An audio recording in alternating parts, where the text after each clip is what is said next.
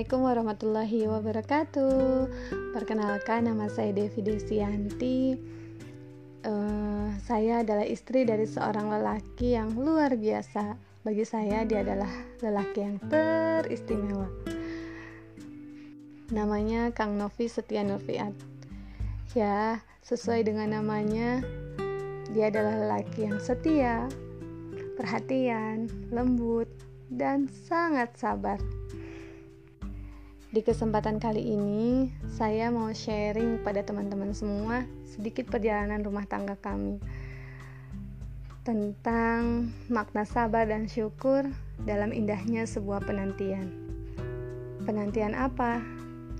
Ya, penantian hadirnya seorang belahan jiwa, buah hati dari hasil pernikahan kami berdua. Satu hal yang pastinya sangat diidam-idamkan oleh pasangan yang telah menikah. Bukankah begitu? Kami memutuskan untuk menikah di usia muda, yaitu di usia 18 tahun, tepatnya 2008. Nah, kami melakukan resepsi pernikahan di tanggal 11 Januari 2014 karena saat pertimbangan satu dan lain hal. Nah, tapi bukan ini yang akan saya sharing ke teman-teman. Sejak 2014 sampai sekarang terhitung kurang lebih 7 tahun pernikahan kami. Ya, 7 tahun itu kadang terasa singkat, tapi kadang terasa begitu lama sekali kalau saat memikirkan kenapa tak kunjung datang belahan hati kami? Putra-putri yang kami nantikan kehadirannya. Tapi seiring berjalannya waktu alhamdulillah sedikit demi sedikit saya dan suami dan saya khususnya sih bisa lebih berdamai dengan diri saya. Kondisi yang betul-betul memuncak kondisi yang betul-betul rindu akan kehadirannya. Buah hati ini saya rasakan di usia pernikahan 2 sampai 3 tahun. Di mana saat itu setiap ada omongan dari kanan dan kiri itu terasa sensitif sekali. Padahal orang cuma basa-basi nanya kabar, nanya udah punya anak berapa, tapi di situ nangis, langsung baper gitu kan.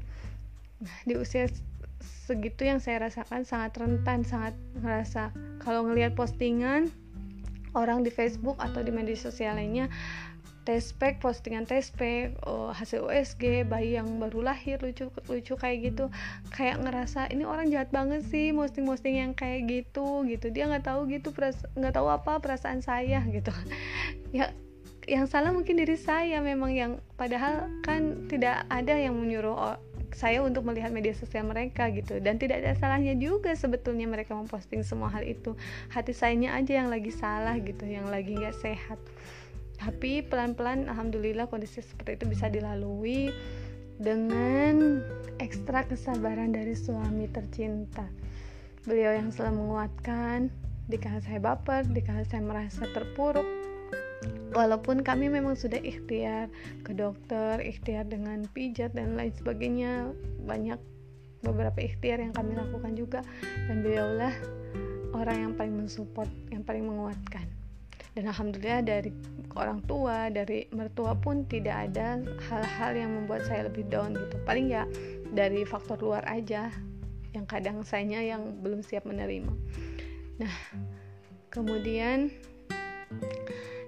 ya itulah ladang sabarnya gitu kan. Ternyata ketika sharing dengan yang lain usia pernikahan saya itu belum seberapa. Banyak orang yang bahkan berbelas-belas tahun berpuluh-puluh tahun belum mendapatkan keturunan. Bahkan nabi kita tercinta yaitu Nabi Zakaria beliau juga kan sampai tua gitu kan. Setelah terus dipelajari memaafkan diri sendiri berdamai dengan diri sendiri alhamdulillah pelan-pelan saya bisa menerima dan bisa lebih sabar gitu kan. Ketika sharing dengan teman-teman juga yang udah punya anak banyak gitu. Udah tete tenang aja nikmati dulu prosesnya seperti ini. Saya malah kadang merindukan saat-saat seperti ini. Oh iya. Dari situ saya berpikir ternyata memang uh, tidak semua ketika mendapatkan anak berjreng langsung bahagia gitu kan. Semuanya juga berproses. Dan kemudian ada juga teman saya yang misalkan baru punya anak satu atau memang belum pengen dulu punya anak tiba-tiba hamil dan mereka tidak menginginkan gitu kehamilan itu mereka pun kecewa. Mereka uh, mungkin bisa jadi kecewanya mereka atau khawatirnya mereka itu seperti penantian saya yang saya rasakan saat itu. Jadi kuncinya di sini yaitu ya sabar dan syukur.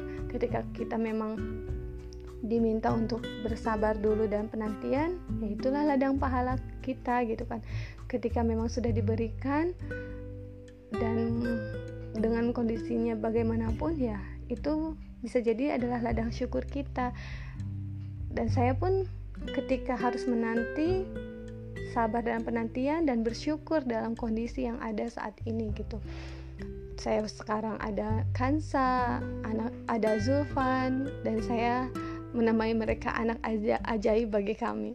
Anak yang Allah datangkan dengan kasih sayang yang sama mungkin ya dengan anak kandung tapi dengan cara yang Allah hadirkan dengan cara yang berbeda. Masya Allah alhamdulillah. Jadi di sini uh, untuk teman-teman yang juga dalam penantian yang sama dengan saya tetaplah maksimal dalam ikhtiar teruslah bersabar dan tetap berhusnuzon sama Allah bahwa ini adalah takdir baik. Dan yang menguatkan saya adalah potongan ayat di, di surat Asyura ayat 49 dan 50 itu jelas banget bahwa ya Allah yang mau menciptakan gitu kan. Terus diulang terus diulang dan dari situ saya merasa bahwa ya saya harus bersabar dan terus bersyukur.